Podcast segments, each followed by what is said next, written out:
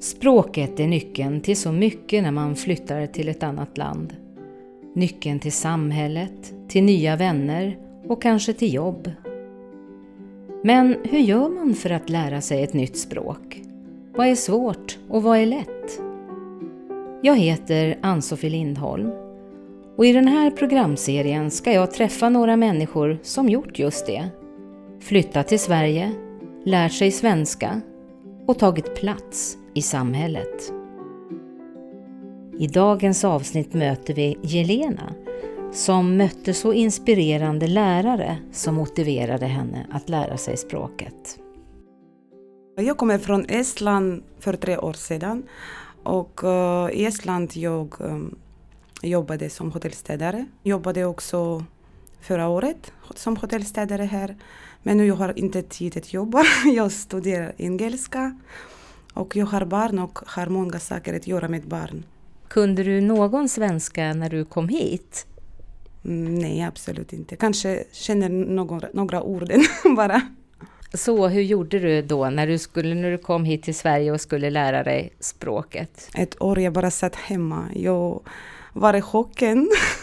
För att jag vågar inte även gå ut ensam.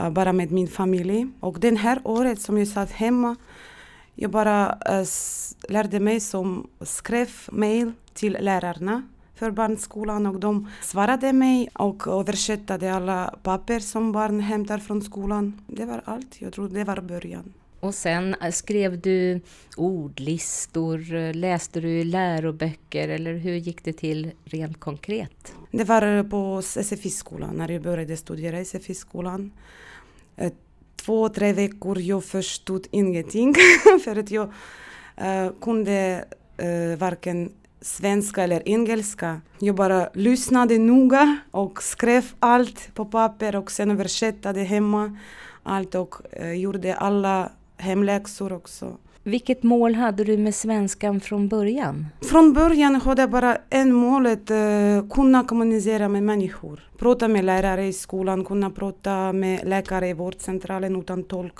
I affären också. Jag ville bara kommunicera. Har ditt mål ändrats eh, nu, nu när du kan svenska? Ja, det ändrats. Ja. Nu jag ska studera SAS 1 också och uh, började studera engelska.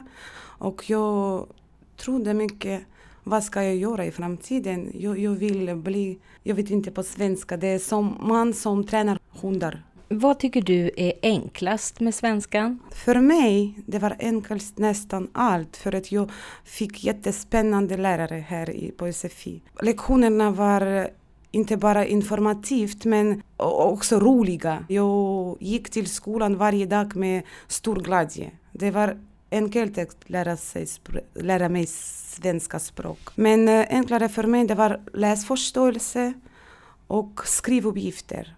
För att jag tror att jag har jättebra visuell minne. Därför. Och vad är svårast? Jag är rädd för att säga fel. Jag tror det kommer från uh, min bar barndom. och uh, också det är svårt att säga du till lärare istället ni. Det är stort hinder för mig. Eh, jag kunde inte prata med lärare och kunde inte fråga något för att jag kan inte, kunde inte säga du till henne. För att jag respekterar, det är svårt. Det tar ju tid och kraft att lära sig ett nytt språk. Och då när det var som svårast, hur motiverade du dig? Det var inte svårast för mig för att jag var glad att lära mig nya språk. Jag kunde bara mitt modersmål, ryska språk.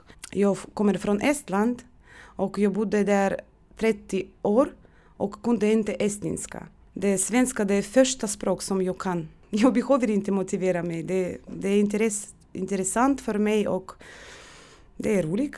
Läser du på svenska också? Jag tänker böcker, tidningar och så. Ibland jag läser på internet nyheter. Förra veckan min man hämtade från sitt jobb uh, en bok som heter Anna Karenina, men på svenska.